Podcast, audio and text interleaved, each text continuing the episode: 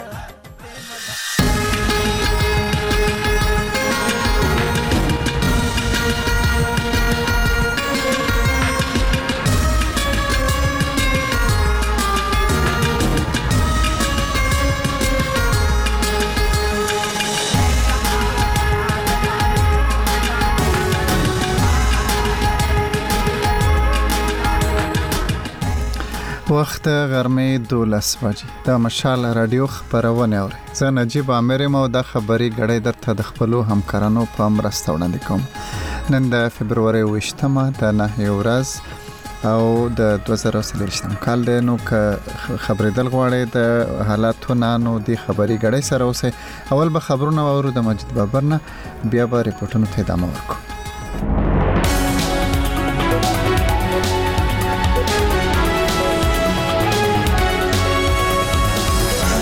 ستړي مشر لومبه د مشال د خبرونو سرټکی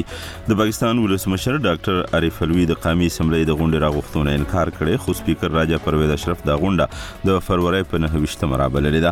د خیبر پښتونخوا د ژغورنې ادارې ریسکیو یو یو دو د چارواکي وایي چې نن په مردان او پېښور کې د وسلوالو په ډزو کې دوه پولیس سرتیري وژل شوي او څلور ژوبل دي د ایران تقریبا درې سوه سیاسي ټولنیز او فرهنګي فعالان وایي د دې هیواد د راروانو انتخاباتو نتیجې له مخکې تنظیم شوي او دوی پکې ګډون نه کوي اوس د مشال د خبرونو تفصيل د پاکستان ولسمشر ډاکټر عارف علوي د قامي اسمبلی د غونډې راغښتونه انکار کړي خو سپیکر راجا پرویز اشرف دا غونډه د فروری په 29مه رابللې ده دا به داسې حال کې ده چې ولسمشر ډاکټر عارف علوي د فروری په 24مه د پارلماني چارو د وزارت هغه سمري بغیر د لاسلیک کولو نه واپس کړه چې یاد وزارت ورته د 8 فروری د ټاکنو نه پس د منتخب شوو غړیو د سوګند پورته کولو د غونډې لپاره استولې و ولسمشر علوي اعتراض کړی چې قامي اسمبلۍ کې د ښځو او اقلیتي غړیو د ځانګړو څوکو ویش نه دی شوی نو پارلیمان د ده په خبره نیمګړی دی بلخوا په دې لړ کې په الیکشن کمیشن کې د سني اتحاد کونسل لخوا د دایر شوي درخواست اوریدنه به نن کیږي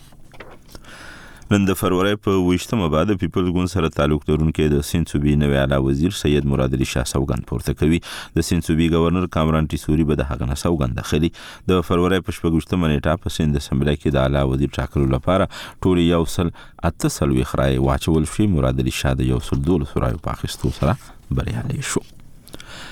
د خیبر پښتونخوا نګران حکومت وایي چې وفاق ته اوس هم یو سل اویا ارب روپۍ بقایجات پاتې دي تیر ورځ په پیښور کې نګران اعلی وزیر سید ارشد حسین شاه سره د نورو صوبایي وزیرانو یو خبري غونډې ته په وینا کې وویل چې دا مهال راتلونکي حکومت ته په صوبایي خزانه کې سل ارب روپۍ پرېږدي مشال ریډیو سره په خبرو کې د خزانې نگران صوبایي وزیر احمد رسول بنګش وویل چې وفاق ورته د 222 ارب روپو د بقایجاتو په مد کې 2.5 ارب روپۍ ورکړي او نورې پاتې دي نو بقا حاجات هغه جی کوم چې زمون خالص بجلی کا منافع نت هایډر پروفټ چورته وایي کې دي ان اف سي کې زمون پیسې پاتې دي دین علاوه دا فاټا ایکسپورټ لپاره چې کوم وعده شوی وي هغه والا هغه هټ کې پیسې پاتې دي سستا آټا کې زموږ پیسې پاتې دي زموږ د سیلاب والا پیسې ورته پاتې دي کنه اره میاشت زموږ او ته چې کوم پیسې جوړيږي مطلب دا دی چې د شګینه د فګر و زیات شوی وي کم شوی بنوي دا په داسې حال کې ده چې خیبر پښتونخوا صوبه له تیرو څو کلونو راهیسې د مالی مشکلاتو سره مخ ده او ورسره د سکولونو لپاره د وړیا کتابونو چاپولو سرکاري روغتونونو او پوهنتونونو لپاره د فندونو بي ار ټي بس سرویس لا د سبسډۍ په مد کې د پیسو ورکولو او سرکاري ملادمینو ته د تنخواګانو ورکولو لپاره پیسې نشته. د خیبر پښتونخوا د ژغورنې ادارې ریسکیو یو یو دوه دوه چارواکي وایي چې نن په مردان او پیښور کې د وسلوالو په ډزو کې دوه پولیس سرتیري وژل شوي او څلور ژوبل دي مشال ریډیو ته پاستول شوی بیان کې ویل شوی چې په ډومبای پیښه کې نن سهار وختي د مردان د کاټلنګ تحصیل په زړه مټه سیمه کې د مبینه ترهګرو په ډزو کې د پولیسو اس پی اعجاز خان وژل شوی او د یو ډي اس پي نسیم خان په ګډون درې پولیس سرتیري سخت ژوبل حالت کې روغتون ته وړل شوي دي. بلخوا نن سهار اته بجې په پېښور کې د پندو تاڼې په حدود کې یو پولیس سرتیری د وسلوالو په ډزو کې وژل شوی او یو بل ژوبل دی. تر دا مهال کومې وسلوالې ډلې د دې پېښو ذمه واري نه ده منلې. د هند نامتو غزل ویونکی پنکج اداس پرون د فروری په شپږوشتمه د دوه اویا کلونو په عمر کې ومړ هندوستان ټایمز ورځپاڼې د اداس د کورنۍ په حواله دا خبر تایید کړی او لیکلي دي چې نوموړي له اوږدې مودې راهیسې په ناروغۍ اخته و ښاغلي اداس د لومړي ځل لپاره په نولس سوه اتیایم کال کې په سټیج کې سندرې پیل کړې او په نولس سوه شپږ اتیایم کې د چټي آی هی وطن سه یوې فلمي سندرې سره مشهور شو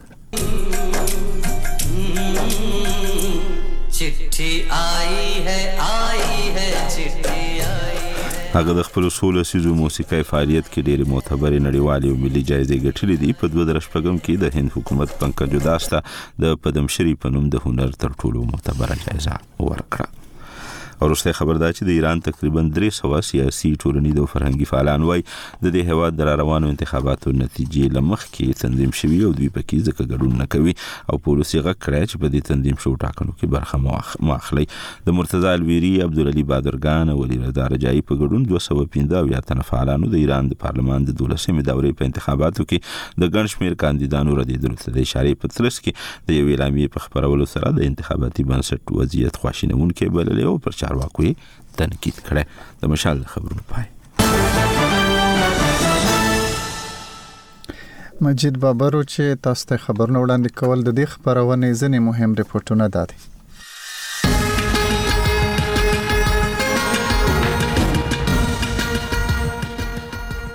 د صدر له انکار وروسته سپیکر د پاکستان د قومي اسمبلی غونډه د فبروري په 29مه بللې ده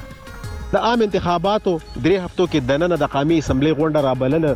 د قانون او آئین تقاضا ده په دغه غونډه کې به د سپیکر او د ډیپټي سپیکر نه علاوه د صدر اعظم انتخاب کیږي د خیبر پښتونخوا نگران وزیر اعلی وایي نوی حکومت ته په داسې حال کې واک سپاري چې په سرکاري خزانه کې سل ارب روپۍ پرتې دي د ملک د نورو برخو په شان په خیبر پښتونخوا کې هم ماشومان ته د پولیو ساسکو ورکولو لړۍ دوام لري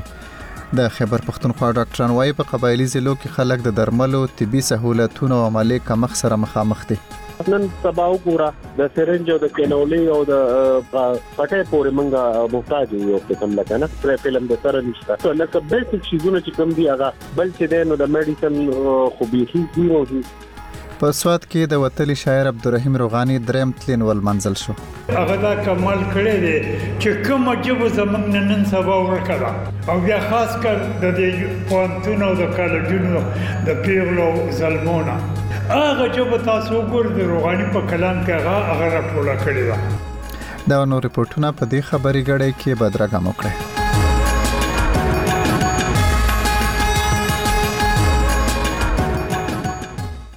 اوریدونکو مخکې تر دې چې دا رپورټونه اوري ورزو په خبر ته هلته ځنې امنیتي پیښې مخې ته راغلي دي له هغه ځای زمون خبريال عظمت علي شهر سره ده د ژغورنې د ادارې په وینا نن په مردان او پیښور کې د وسلوالو په دزو کې ځینې پولیس سرتیري وژل شوي یا ژوبل شوي دي عظمت څه تفصیل لرو ډیر مننه نجیب نن سحر په مردان کاټلنګ په زړه ماته کې د وسلوالو د پولیسو ترمنځ چې منخته شوې ده په هغه کې یو اس پی چې کوم د مردان اجاز خان شیرپو هغه مړ شوي دي، وژل شوي دي او دغه شان د پولیسو په وینا چې دوه وسله وال یې هم په دغه نښته کې وژلي دي. د دغې وروسته بیا چې کوم وژل شوي وسله وال وو هغه دوه کسان وو، هغه بیا دغه شانتې د پولیس چې کوم ایس پي وو اعجاز خان هغه د هغه چې کوم جنازه ده هغه په سهار اوه نیمې بجې په پېښور پولیس لین کې ادا کړې شوه. دغه شان په دغه نښته کې نه صرف درې کسان مړه بلکې درې چې کوم پولیس دي په هغې کې یو ډي ایس پي او دوه چې کوم د پولیسو کارکوونکي اسپایان شامل دي هغه هم ژوبل شوي دي هغه چې کوم د مردان روغتون ته وړل شوي دي دغه شان د ریسکیو ون ون یو یو دوه دوه د وینا تر مخه سهار تقریبا درې نیمې بجې دغه پیښه چې کومه ده هغه مخې ته راغلې وه او دغه چې کوم د مردان کاټلنګ زړه ماته علاقه ده یا سیمه ده هغې نه دغه ژوبل کسان چې کوم پولیس وو هغه د مردان روغتون ته وړي دي صحیح بل خو الته کې د هغوی چې کوم اها مننه عظمت او دغه پیښور کې هم یو پیښه شوې ده په دې کې هم په پولیسو باندې ډزې شوې دي په دې کې ویل کېږي چې د پولیسو یو سرتیری وژل شوی دی او یو بل جوبل دی دا راته ویل شي چې د دواړو پیښو ذمہواري چا قبول کړې ده کنه تر اوسه تر اوسه پورې نجیب تر اوسه پورې دغه ذمہواري چې کوم دغه چا نه ده قبول کړې کوم چې تاسو وايي هغه سحر د پندو چې کوم د پیښور اله سیمه د پاغي کې دغه نامعلومه موټر سایکل سوارو چې کوم دی چې کوم ابابیل سکواډ وی د پولیس د گشت چې کوم پارټي وی په هغې باندې ډزې کړې دي، په هغې کې یو کارکوونکی چې کوم دی هغه مړ او یو ژوبل شوی دی. د پولیسو په وینا چې دغه ابابیل سکواډ چې کوم هلته کې ولاړ وو هغوی دغه مشکوک کسان چې کوم په موټر سایکل روان وو هغوی ته د ودریدو اشاره کړې ده، هغوی نه دي ودریدلي او د هغوی پسې چې کوم دی بیا وروسته تلل نو هغوی ډزې کړي دي د کوم په نتیجه کې چې یو پولیس مړ او بل چې کوم دی هغه جوبل شوی دی ډیره مننه زمونږ خبریال عظمت علي شاه له پېښوره را سره والته چې کوم امنیتي پیښې شوي د هغوی تفصیلې تاسو ته وړاندې کوو مشال ریډیو تاسو د پښتونخوا سیمي او نړۍ د تازه پیښو او روانو چارو خبري اوس هم د خبرونې نور رپورټونه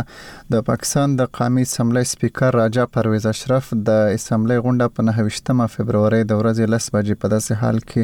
غوښتې ده چې ولسمشر ډاکټر عارف علوي د قامي اسمبلۍ د غونډې لپاره د پارلماني چارو د وزارت لخوا ورستول شوی لیک د دې اعتراض سره واپس کړو چې پارلمان لا پوره نه دی او داغه په خبره په پارلمان کې د خزو او د اقلیتي غړو د ځانګړو څوکۍ د څوکۍ ویش نه ده شوی په غونډه کې به د 8 فبرورۍ په ټول ټاکنو کې بریالي شوي کاندیدان سوګن پورته کوي او د نوي سپیکر او وزیر اعظم انتخاب به هم کوي ځینې تجزیه نګاران وایي چې د موجوده قامي سملۍ په لومړۍ غونډه کې ستونزه رامنځته کېدل دا په ډاګه کوي چې د پارلمان راتلونکي 15 کلنه موده به له ډیرو کشالو ډکه وي نور تفصیل د راشد خټک په رپورټ کې د پاکستان صدر ډاکټر عارف علوي د انتخاباتو نه پس د قومي اسمبلۍ غونډه راغوښتلو نه انکار کړی دی، خو د اسمبلۍ سپیکر راجا پرویز اشرف دغه غونډه په نویشتمه فرورۍ د ورځې لس بجې راغوښتې ده. په غونډه کې به د اتمې فرورۍ په انتخاباتو کې بریالي امیدواران سوګند پورته کوي او د نوي سپیکر او وزیراعظم انتخاب به کوي. پنځه ورځې وړاندې د پارلیماني چارو د وزارت لخوا صدر عارف علوي ته د قومي اسمبلۍ غونډه راغوښتلو لپاره یوه سمري ورلیږل شوې وه، خو ده لاسلیک نه کړه. او بیرته یې ورولېږله چې تر هغې وروسته د قومي اسمبلۍ سپیکر راجا پرویز اشرف دغه غونډه راوغوښتله. په اسلام اباد کې د ورلډ ټریبیون ایډیټر افتخار مشواڼي وایي چې دغه ستونزه به د پارلیمان په کردار او د وزیراعظم په انتخاب بد اثر وکړي. ده په دې هکله مشال راډیو ته وویل. نو په دې باندې متضاد خبرې دي ځکه چې سابقه سیکرټري الیکشن کمیشن چې کوم دی هغه دا وایي چې سپیکر چې کوم دی هغه تختیار نشته چې هغه اجلاس د صدر د سمري د اپرول نه بغیر هغه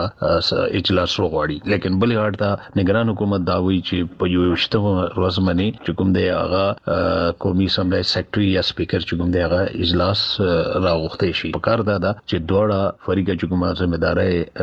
ثبوت ورکړي او د آئین او د قانون تقاضې چې کوم دی هغه پوره کړي صدر عارف علوي د قامي اسمبلۍ غونډه نره بللو په لړ کې د پارليمني چارو وزارت ته ويلي دي چې لا تر اوسه پارليمان نيمګړی دی ځکه چې د ښځينه او اقليتونو لپاره ځانګړې شوې ټولې چوکۍ سياسي ګوندونو ته نه دي ورکړل شوې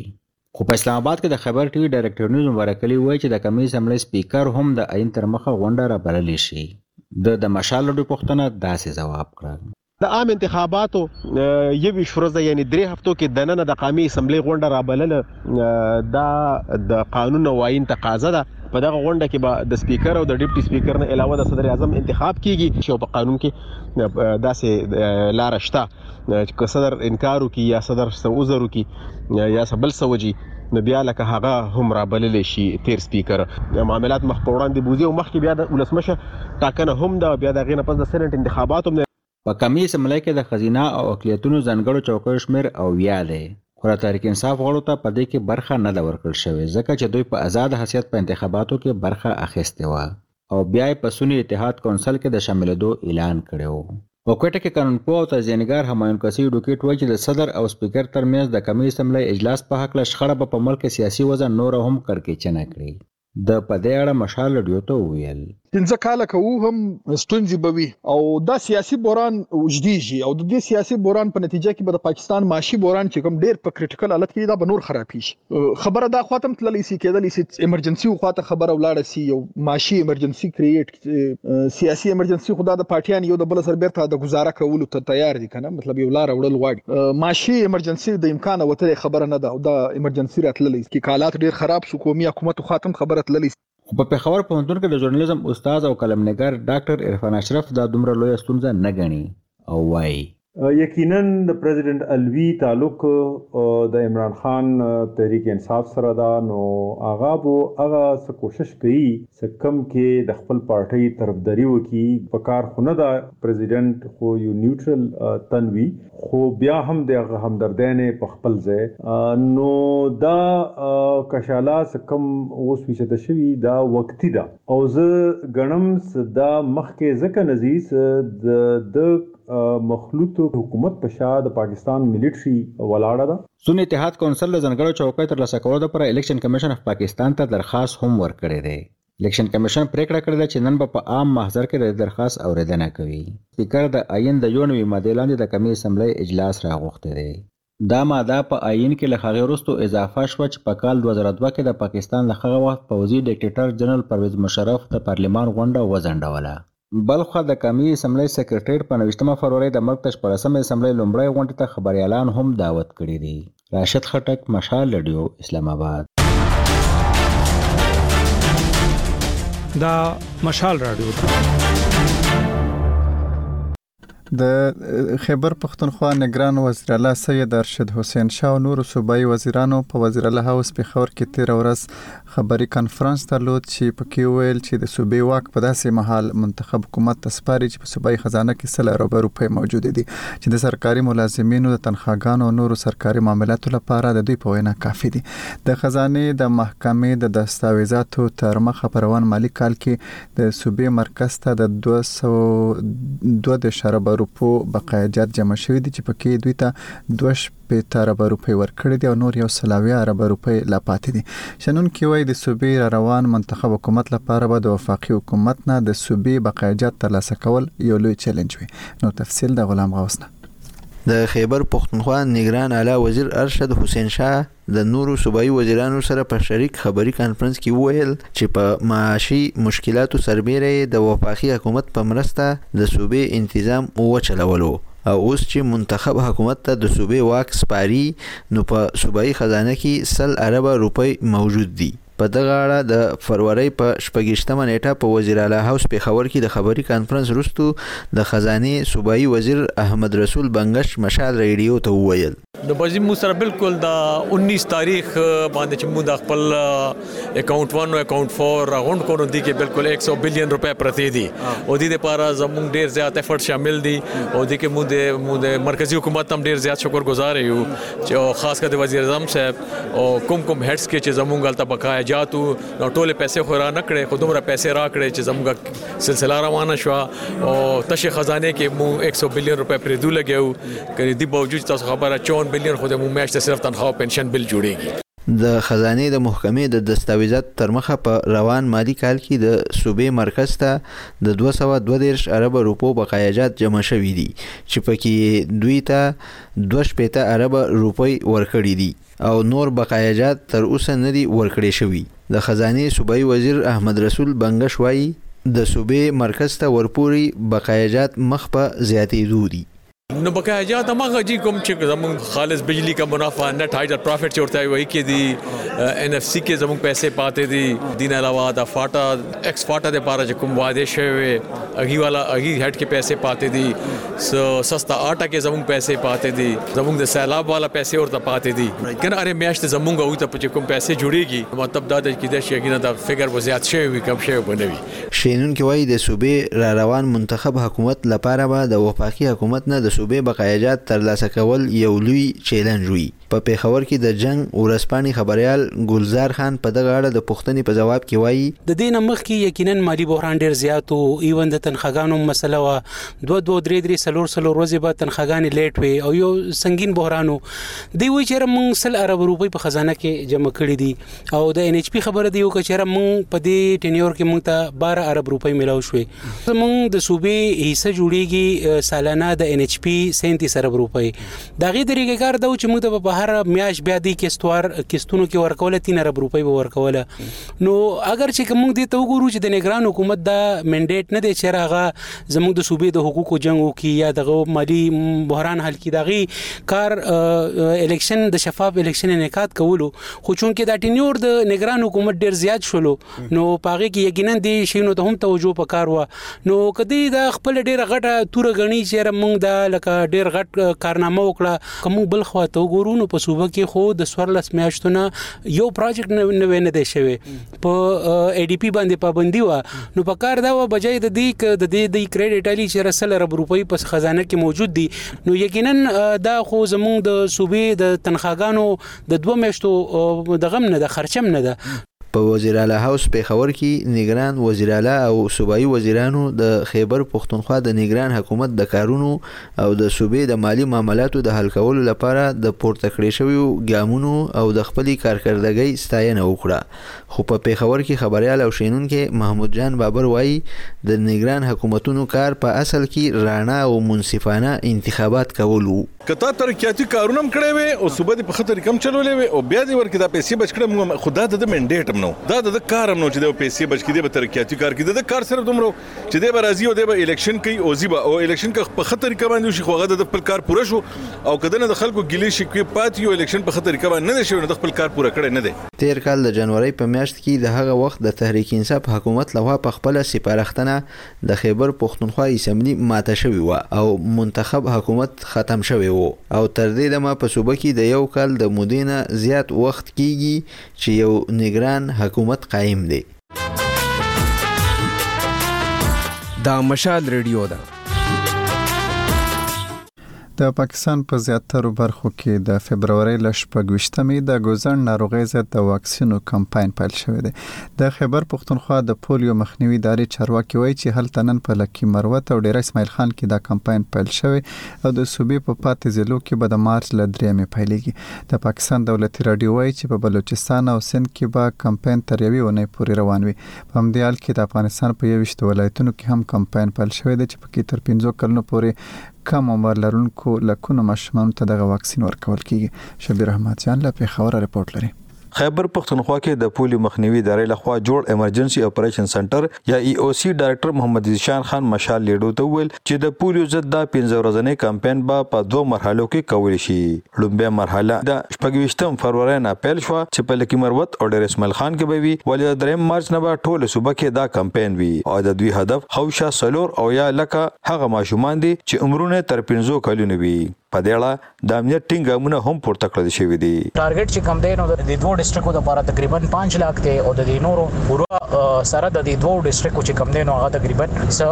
ترهتر چورهتر لاک ورک دی 7.4 میلیون دی په دې کې به چې کوم دی موږ سره تقریبا 55000 ټیمونه حصہ اخلي او 35000 پلس سکیورټي پرسنل چې کوم دی نو دا به دې کې باندې ان شاء الله د دې د حفاظت لپاره ډیوټي سرانجاموي یادونه را چې تیر وختونو کې هم د پولیو ساسکي ورکونکو زنانه نارینه هلکارانو او دوی سره ساتونکي پولیس اهلکارانو باندې د وسلوالو بریدونه شوي چې پکې د سرکاري شمیرو تر مخه تر دې دمه خوشا نوي کسان وژل شوي دي چې پکې زیاتره پولیس والا او د پولیو ضد څاڅکي ورکونکي د صحت محکمې اهلکاران شامل دي. دا چې تیرو وختونو کې د صوبې د بیلابیلو برخو نه اخیستل شوي نمونو کې د پولیو وارث شتون ظاهر شوی وو نو آیا اوس هم دغه پولیو وایرس موجود دی او که نه څه کمی یا کمزوري پکې راغلې نو نوموړی زیاتوي. جی په هغې کې خو کمی لږ راغلی دی خو مکمل وایرس ختم شوی نه دی مخکې چې کوم دی نو په نوښار کې او په دې نه علاوه چې کوم دی نو په پټان کې په ډیګی خان کې او د دې نه علاوه په پیښور کې په کوهاټ کې په هنګو کې دا ټول مثبت راغلي وو. خو هغه الحمدلله اوس خو دوباره پوزټیو نه دی راغلی نو دا وایرس چې کوم دی کنه نو موجود خو دی او په خبر کې خو دا سه ډیر زیات لکه مطلب ځان نه دی اسټابلیش کړي نو ان شاء الله زموږ دا کمپاین چې خو شینو د سره په نورم بیا پکې کمی راشي د پولیس اس کې ورکونکو د صحت محکمې زنانه او نارینه اهلکاران به کور په کور او کوسه په کوسه ګرځي او روغتونونو د صحت بنیادی مرکزونو او د بسونو اډو پکې به هم ولاړ وي او ماشومان ته به دغه د پولیو ضد څاڅکي ورکوي د پولیو مخنیوي ادارې شمیرو تر مخه روان کال 2023 کې د پولیو یو کیس هم پاکستان کې نه رپورټ شوی ولې تیر کال 2023 کې ټول پاکستان نه شپږ کیسونه رپورټ شو چې پکې څلور د خیبر پښتونخوا او دوه د سند صوبې نه وو شبیر احمد جان مشال لیډیو پېښور. د مشال راډیو هره ورځ د سهار له سالورو تر شپږو بجو د سهار له نهو د ماخام تر وو بجو د شپې له نهو نه تر لسو بجو او بیا له یولسو تر دولسو بجو په دې سپو خبرېږي منځنۍ سپا شپږ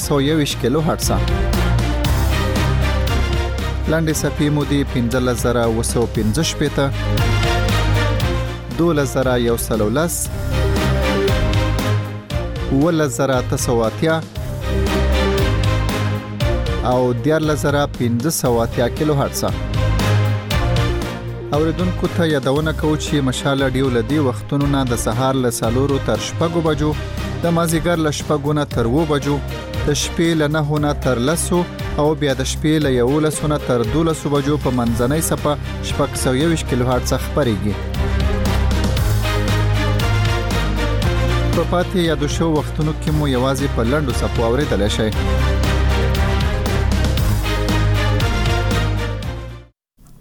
اوس هم یو بل رپورټ له مومندو بایزي او خوایزي د مومندو په مغربي اړخ د ډیورنډ کرښې ته څیرمه تحصیلونه دي دغلته د بجلۍ او روزګار د سهولت د نشتوالي له وجې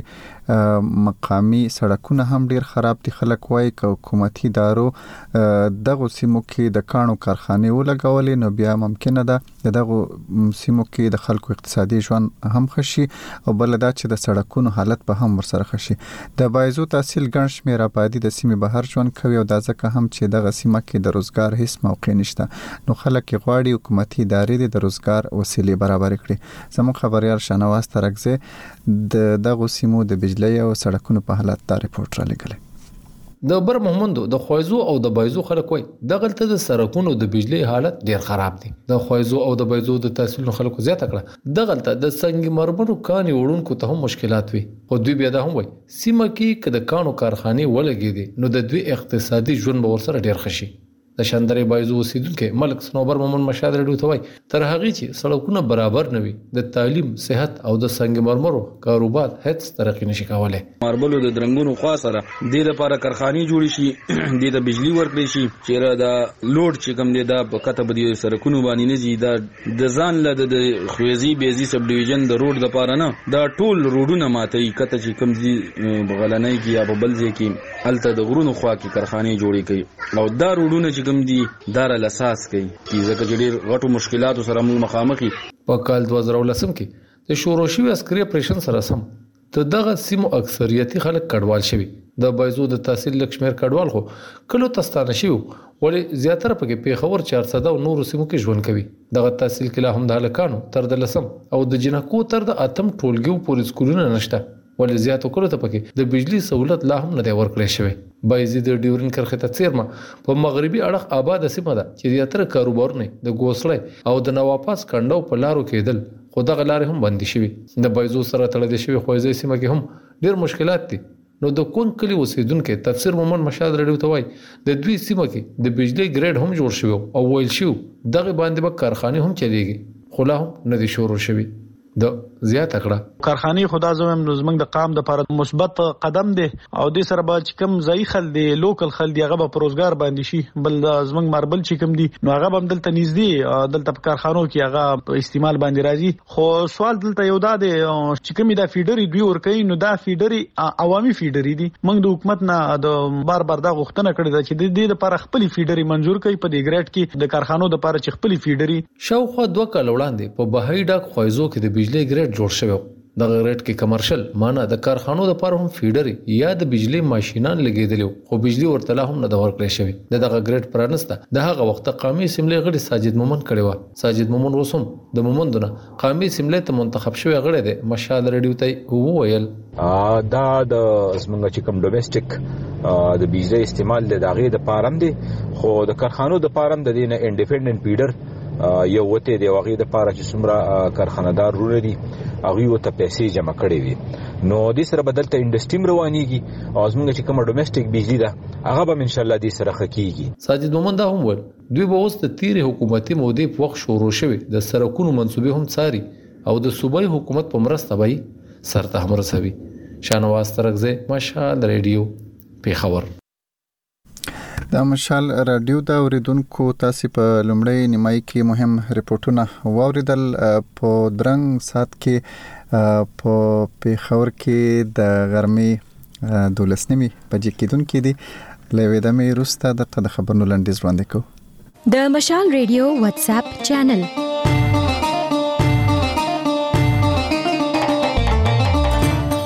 د مشال ریډیو پر واتس اپ چینل ویډیوګانو تصویرونو غږیزو خبرونو او لیکلي راپورونو ته لاسرسي پیدا کړئ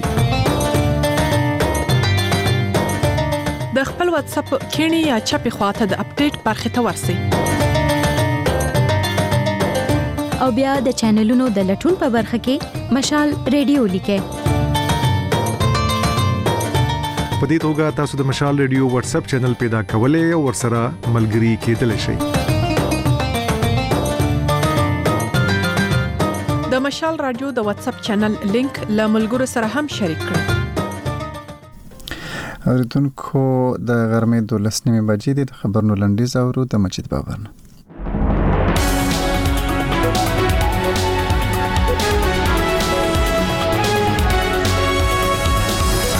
د پاکستان ولسمشر ډاکټر عارف علوی د قامي اسمبلی د غونډې راغښتونه انکار کړي خو سپیکر راجا پرویز اشرف دا غونډه د فروری په 29 مه رابللې ده دا په داسې حال کې ده چې ولسمشر ډاکټر عارف علوی د فروری په 28 مه د پارلماني چارو د وزارت هغه سمري بغیر د لاسلیک کولو نه واپس کړه چې یاد وزارت ورته د 8 فروری د ټاکنو نه پس د منتخب شوی غړیو د سوګند پورته کولو د غونډې راغښتو لپاره استولې و د خیبر پښتونخوا نگران حکومت وایي چې وفاق ته اوس هم یو سل او یا ارب روپۍ بقای جات پاتې دي تیر ورځ په پیښور کې نگران اعلی وزیر سید ارشد حسین شاه سره د نورو صوبایي وزیرانو یوې ګډې خبري غونډې ته په وینا کې وویل چې دا مهال راتلونکي حکومت ته په صوبایي خزانه کې سل ارب روپۍ پرېږدي د خیبر پښتونخوا د ژغورنې ادارې ریسکیو یو دوه دوه چارواکي وایي چې نن په مردانو پیښور کې د وسله والو په ډزو کې دوه پولیس سرتیري وژل شوي او څلور ژوبل دي مشال ریډیو ته په استول شوي بیان کې ویل شوي چې لومړی پېښه نن سهار وختي د مردان د کاټلنګ تحصیل په زړه مټه سیمه کې د مبینه ترهګرو په ډزو کې د پولیسو ایس پي اعجاز خان وژل شوی او د یو ډي ایس پي نسیم خان په ګډون درې پولیس سرتیري سخت ژوبل حالت کې روغتون ته وړل شوي بله پېښه په پېښور کې شوې چې پکې یو پولیس سرتیری وژل شوی او یو ژوبل دی د دې پېښو ذمه واري چا نه ده منلې د سیند صوبې د سکر په پنواکل تحصیل کې د ځمکې پر سر د دوو ډلو ترمنځ انخته کې شپږ کسان وژل شوي او پنځه نور ټپیان شوي د هند نامتو غزل ویونکی پنکج اداس پرون د فروری په شپږویشتمه د دوه اویا کلونو په عمر کې ومړ د ایران تقریبا درې سوه سیاسي ټولنیز او فرهنګي فعالان وایي د دې هیواد د راروانو انتخاباتو نتیجې له مخکې تنظیم شوي نو ځکه پکې دوی ګډون نه کوي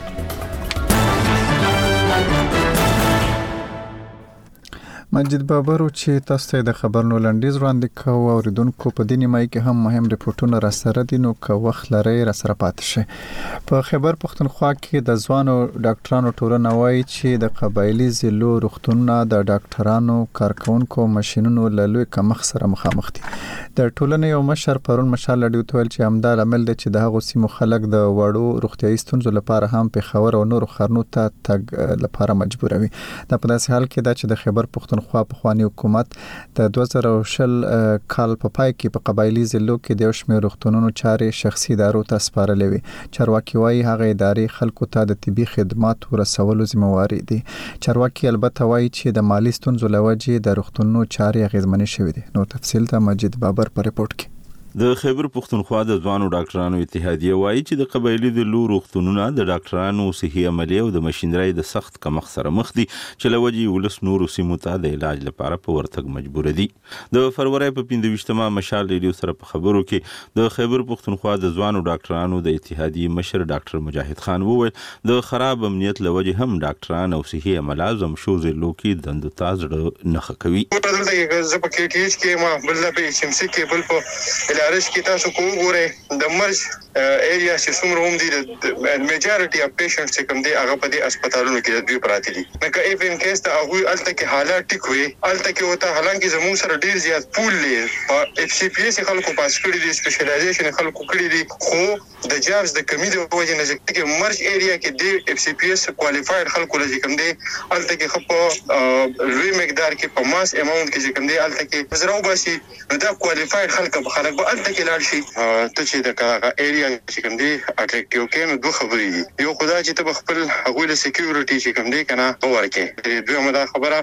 چې الته کې چونکه د هارد ایریا چې کوم الاونسز دي کنه نو دغه الاونسز د نورو په نسبت لکه په سنټر کې دي دا پیری پریوم دا په پیری پیری کې دا سي ایریا دا چې مطلب دا لري چې سړی پاغه سب کانشیس کې چې کوم دی دا خبره پرته دا په داسې حال کې دا چې د 2020 میلادي کال د دسمبر په میاشت کې په خیبر پښتونخوا کې د تحریک انصاف پخواني حکومت د ضم شوو ضلعو روغتونونه غیر حکومتي ادارو ته سپارلي ول او دغې پروژو ته یې د پبلک پرایویټ پارټنرشپ نامه ورکړې وه چې له مخه به د روغتونونو ټولې چارې شخصي کمپنۍ سمبالوي خو د ضم شوو ضلعو لپاره د صحت په صوبایي محکمه کې کوارډینیټر ډاکټر امتیاز شاه د فرورۍ په پنځه ویشت مه مشال ریډیو ته وویل چې په صوبه کې د مالي مشکلاتو له امله دا مهال د قبایلي ضلعو ټول روغتونونه د درملو، عملې او بنیادي شیانو نه محروم دي. لبارټرۍ کي هم بلا شیزونه دي لکه یو یو لبارټرۍ کي یو یو ټیسټ مشینونه چي کوم لګي هغې کي بیا هغې کي چي کوم ټولز لګي هغې لپاره چي کوم مټیریل لګي صحیح شوه بیا چي کوم په ریهبلیټیشن کي کوم څیزونه دي هغې کي ډیر مټیریل او مشینریز دي چي هغه کمی دی کنه نن سبا وګوره د سرنج او د کینولې او د پټه پورې مونږ محتاج یو یو قسم لکه نه ټا ټول پاکستان کې نن سبا د ایکس رې وګوره ایکس رې فلم د سره نشته ته لکه بیسیک شیزونه چې کوم دی هغه بل چې دی نو د میډیسن خو بیخي زیرو دی د دې نه علاوه چې تاسو وګورئ په مارکیټ کې چې کوم شیزونه لري ناغم دا خبره 5600% انکریز کړو نو لکه ډیر ډیر شیزونه دي. بلخوا د خیبر پښتونخوا د نګران اعلی وزیر د صحت په برخه کې ځانګړي سلاکار ډاکټر ریاض انور د فرورۍ په پنځه ویشت مه مشال ریډیو ته وویل چې دوی د ځمشو ضلعو یوولس روغتونونه شخصي ادارو ته سپارلي دي او د ټولو ضرورتونه پوره کولو هغوی ذمه وار دي. مونږ چې کوم رپورټس دي هغه دا دي چې او پي ډي لیول چې کوم دی هغې نه زیات شوی دی دا یو دوه درې میاشتو لپاره څه کمی راغلی او انټرپشن هم به بعضې ځایونو کې شوي دي، سرویس انټرپشن هم شوي دي، خو زیاتر هسپتالونه یا د آر ای سي هاسپټلز چې کوم دي، دا چلیدلي دي. نو دې کې دا و چې هغه کسان چې کوم دي، هغوی ډاکټران خورا هایر کړي دي، اکویپمنټ هم ایښی دی، سرجریز هم پکې شوي دي، د ګایني والا پروسیجرز هم پکې شوي دي، لیبر د ډیلیوریز هم پکې شوي دي. د ډاکټر رياد انور په خبره حکومت که څه هم په قبايلي ضلعو کې د صحي عملې او ماهر ډاکټرانو لپاره د زياتو تنخواګانو پروژې هم پيل کړې دي خو پېښوره صحي عمله او ماهر ډاکټران زم شوي ضلعو کې دندو کولو ته زړه نه ښه کوي چې له وجې د هغو ضلعو روغتونونو کې د ماهر ډاکټرانو او صحي عملې کمی دی.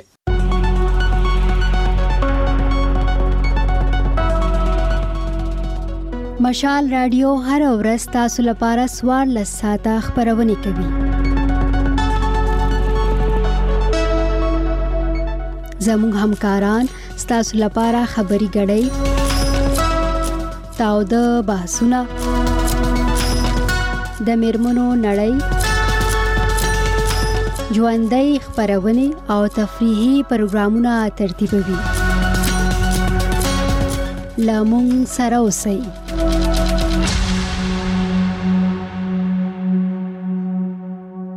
له مشال راډیو خبري ګړی اوري د خبرونې په دې برخه کې دوه رپورټونه له افغانستان نه لرو پیل به له کندوز وکړو د کندوز زیات شمیر ځوانان د امر بالمعروف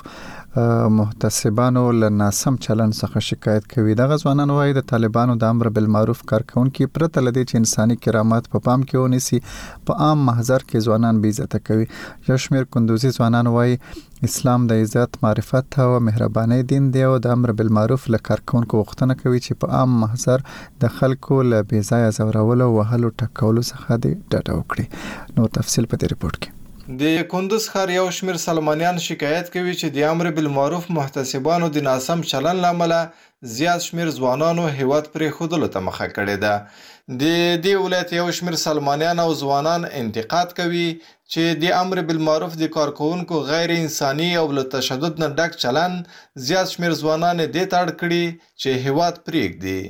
شپږ ویشت کلن عثمان چې په کندز ښار کې د سلمانۍ دوکان لري، هغه ازادۍ راډیو ته وویل.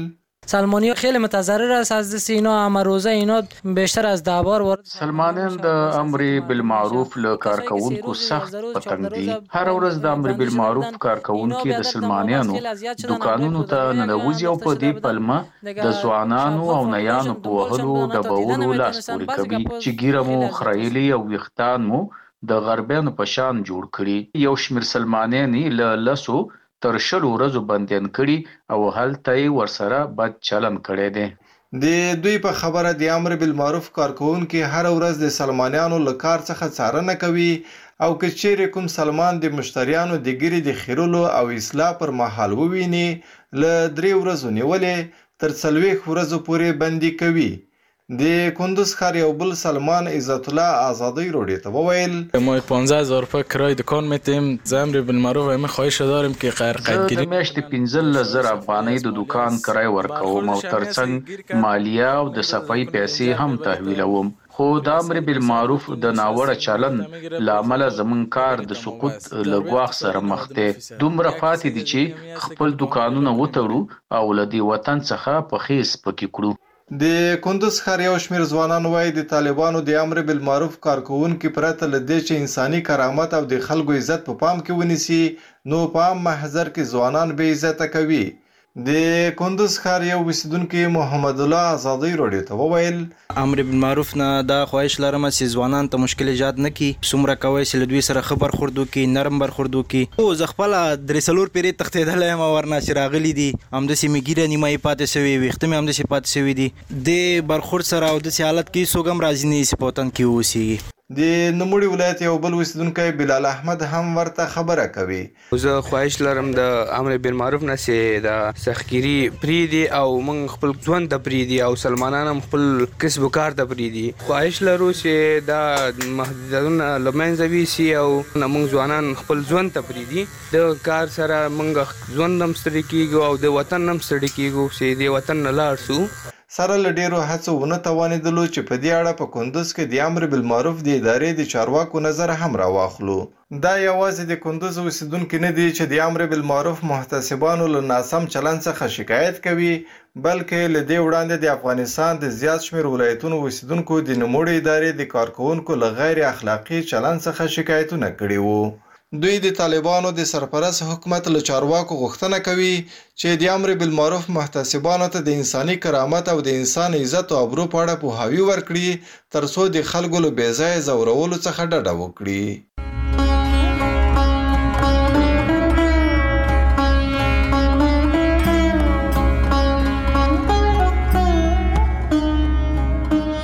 مشال راډیو،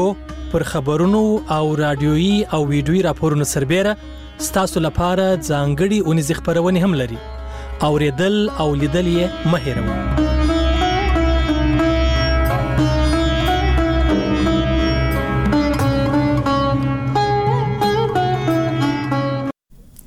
اوس هم یو بل رپورټ هغه له خوسته په خوست کې د مقاوم توبرکلوز د تشخیص او درملنې څنګه پرانستل شو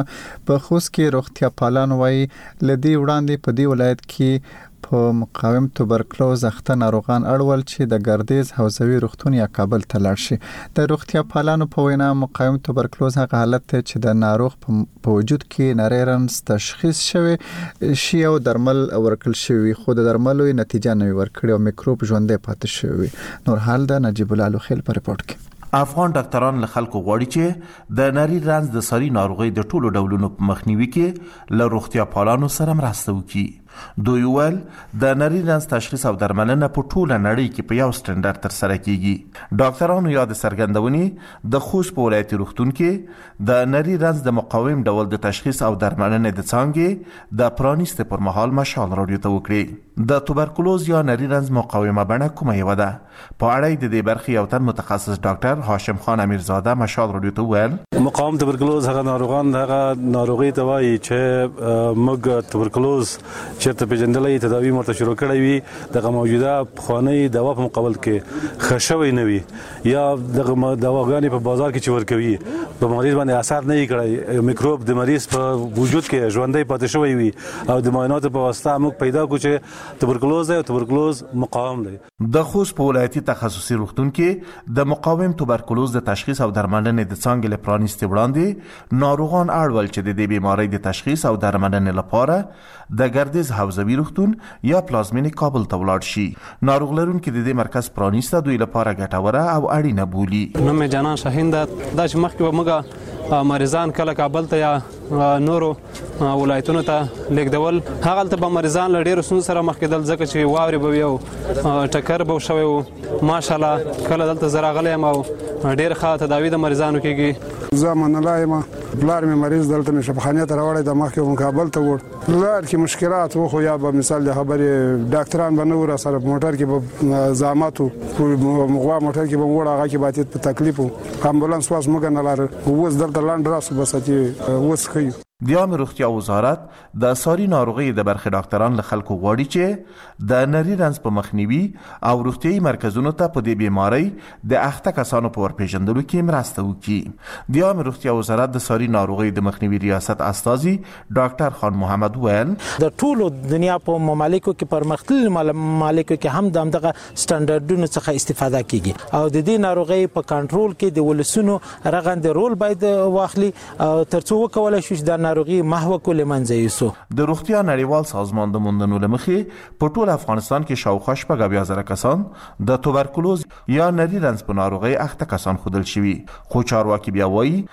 له دې شمېر تېر دوه زره درویشتم زېږدیز کال کې د دوه پنځوس زره کسانو په شاوخوا کې د درملنې لاندې نیول شوي ول. د دوی په وینا، په افغانستان کې په مقاوم توبرکلوز د اخته کسانو شمېر د دوه او دوه نیم زره کسانو په منځ کې دی چې دا مهال په خوست کې شاوخوا اتیا کسان له دې مزمنې او ساري ناروغۍ کړي يي.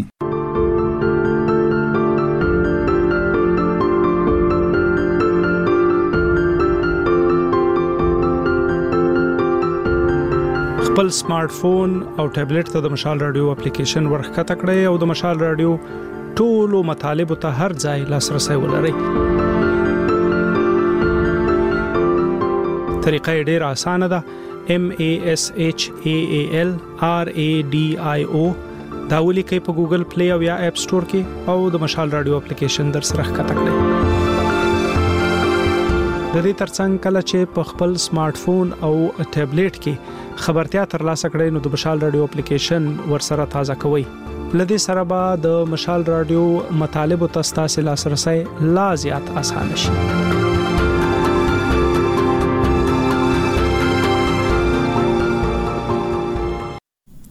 د سویلي وزیرستان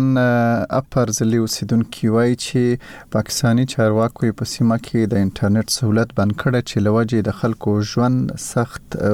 اغیزمن شوی دی د مکین مارکیټ د تاجرانو اتحادیې مشر ملک ریاض مسید مشال لډیو ته ویل چې حکومتي چارواکو ناسم امنیتي حالات په وجه د ضلع اوسیدونکو د انټرنیټ له سهولت محروم ساتلې دي خو د سویلي وزیرستان پر ضلع انتظامی یو چارواکي د نوم پټ ساتلو په شرط مشال رېډيو ته ويل چې په سيمه کې ناسم امنيتي حالت په وجه انټرنېټ د خلکو ژوند ژغورنې لپاره بند کړل شوی دی او د انټرنېټ د بيا بحالول د امنيت سره مشروط دی. نور تفصيل د اشتياق مسيد نه. د سويلي وزيرستان اپر ضلعې اوسېدونکي وايي چې چارواکيو يې د سيمې انټرنېټ سهولت بند کړی دی چې په وجه يې د خلکې ژوند د سخت مشکلات سره مخامخ شوی دی. د مکين مارکيټ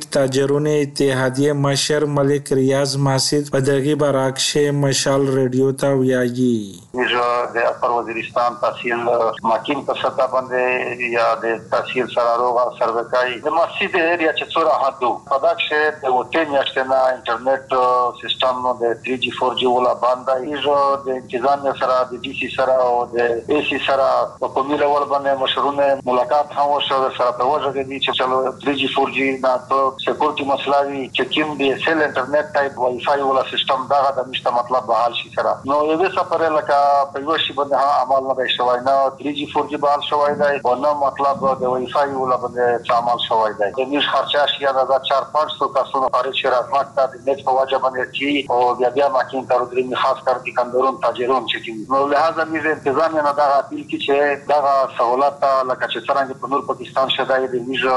پر وزيرستان ضلع چي کيم هدو دا هم د پکستان حصه هدو او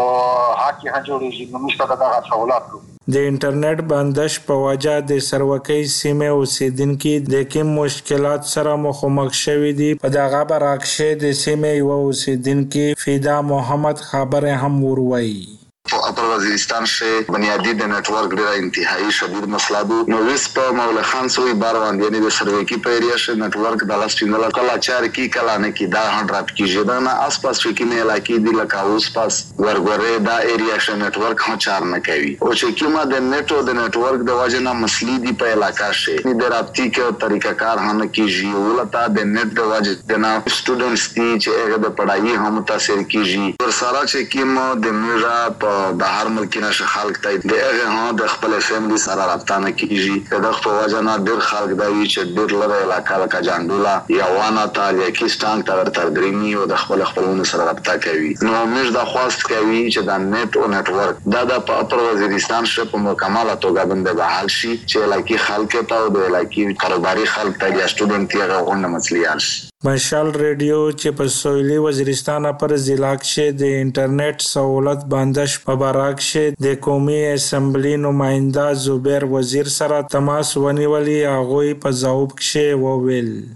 ان شاء الله ميژو پيرا کوشش وي دا حلف چه وشي کنه انټرنيټ ته ور سره دغه سي نور مسلي ديو انتهي ضروري ها داي په انټرنيټ نه نن سابو ژوند نور تيريژي هنه بزام د وي ميژي اخيري حد پر دا ژغ وي نيسر شر د ژغو زه چه ګاوه هم بزام د ژغيژي هم چه څو را د ميژ نه کوشش کيژي دو کي. د سویلي وزیرستان اپرې ضلعې انتظامیه یوه چارواکي د نوم نه وشولې په شرط مشال ریډیو ته ویلي دي چې په ضلع کښې ناسم امنیاتي حالات په وجه انټرنیټ د خلق ژوند ژغورنې د پوره بند کړی شوی دی خو د سویلي وزیرستان اپرې ضلعې اوسیدونکي ویايي چې که حکومتي چارواکیو په ضلع کښې د انټرنیټ سهولت زر بحال نه کړي بیا به دوی په احتجاج لوس پورې کاولې بنې با مجبور وي. اشتیاق مسید مشال ریډیو ډیره اسماعیل خان.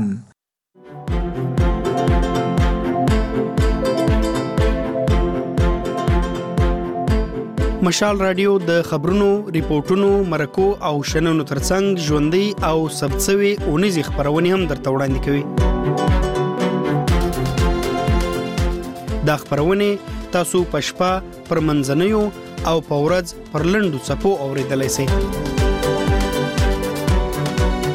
زموږ خبرونه په خپل کمپیوټر، لپټاپ، آیپیډ، ټابلیټ او سمارټ فون کې هم پاکي او رڼي اوریدلای شئ. لمشال رادیو سره اوسئ. د مشال رادیو ته د پښتو ژبې خوږژبې شاعر عبدالرحیم روغانه درې کاله وړاندې وفات شو نوموړی د سنجیده ترڅنګ د ترسکونې شاعرۍ لپاره هم مشهور و د هغه د شعرونو ګڼې ټولګې چاپ شوې د سوات په وډیګرام کې یو ځایي ادبي ټولنې د نوموړي دریم تلین مانځلی دی نیاز احمد خان له هغه ځایه رپورټ رالیږي چې په ترنم پیلیږي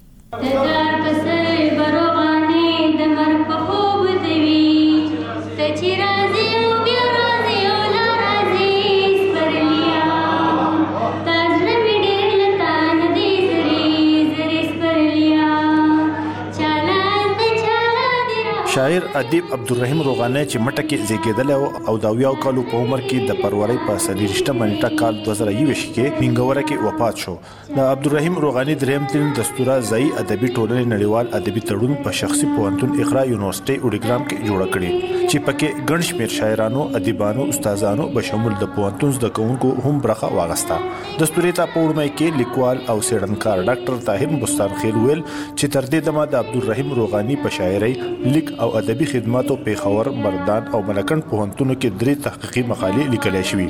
خو هغه هم هڅه کوي چې د روغاني په شاعرۍ ځانګړی تحقیق وکړي د بابا دا شاعري چې کومه ده ځکه چې د هغه صرف دا یو مصره چې ده وي روغانه د چونې ګټ ته چې لوندې کې نو تودېږي په دغه لړ کې زداویم چې زمونږ د اردو جبي چې کم هغه ادیب او نثرنګار او شاعران دي چې هغه رومانویت طرف ته تللی دي بیا په انګریزي کې چې هم داسې شاعران دي چې هغه رومانویت باندې کار کړی دی تاسو یقین وکړئ که چا صحیح سټډي وکړه انګلیش اردو پښتو نو روغانه بابا به ورته د سواد شکسپیر روغانه بابا ورته د سواد ویلیام ورډورف روغانه بابا به دې ته هغه شخصیت ښکاره شي چې ته پته ولګي د مینګورې ډګري کالج د فزیکس پورفیسر ډاکټر بابر اعظم علي خان چې شاعر هم دی، دستورې ته وویل چې ډېر وخت یې له روغاني سره تېر کړی، د هغه شخصیت او شاعري کتلې ده. دی وايي روغاني بابا په خپله شاعرۍ کې د ژوند ډېر اړخونه څېړلي، خو د روغاني په شعرونو کې د جدید ساینس، اصطلاحات، ځانګړتیا هم شته. د هغه په شاعرۍ کې چې هغه د ساينس ګران ګران اصطلاحات څونه په خطرس څونه په خډول ایکسپلین کړی دی انسان وته حیران شي د دې خبرې هر کس دا مطلب نه دی چې زه دا وایم چې رومانه بابا یو ساينسدان خو زما د علم مطابق زما د پوهې مطابق زما د مطالعه مطابق دا واحد شاعر دی په هر ژبه کې د ګریزي په بل ژبه کې ونشتا چې هغه ساينسي اصطلاحات دونه په خډول په خپل شاعرۍ کې ایکسپلین کړی دي چې عقل وته د سړی حیران شي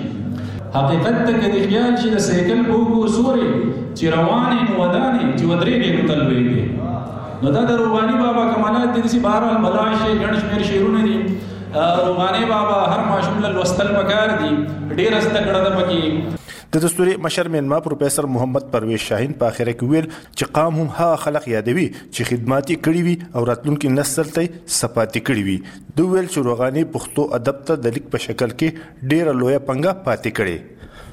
تاسو دا غږ وګورئ یو خو دا چې هغه دا کمال کړی دی چې کومه ژبه زموږ نه نن سبا ورکه ده او بیا خاص کر د دې پوهنتون او د کالجونو د پیغلو او زلمو نه هغه ژبه تاسو وګورئ د روغاني په کلام کې هغه هغه راټوله کړې ده او دا یو غوره کوشش دی که داسې نه وي نو زموږ دا پښتو به نور دونه لنډه تنګه شي چې بیا په کور کې ماشومان د مور نه ډوډۍ هم نشي غوښتل ځکه چې څنګه انسان ارتقا کوي ماحول ارتقا کوي نو دغه شانتي چې د سوسایټي د ارتقا سره جبه زی مخ دی په بل بیان یم دا زو په منځ کې ژوند تیروم لږ یو فکر د مزغو په منځ کې ژوند تیروم د ستوري په اخره کې د اقرا پوهنتون او ادبي ټولنې لخوا سواد کې د پښتو ادب او ژبې پرمختګ لپاره کارکونکو ځای شاعرانو او ادیبانو ته روغانه ادبي ایوارډ په شکل کې یادګاري شیلډونه ورکړل شول نیاز احمد خان مشال ریډیو سواد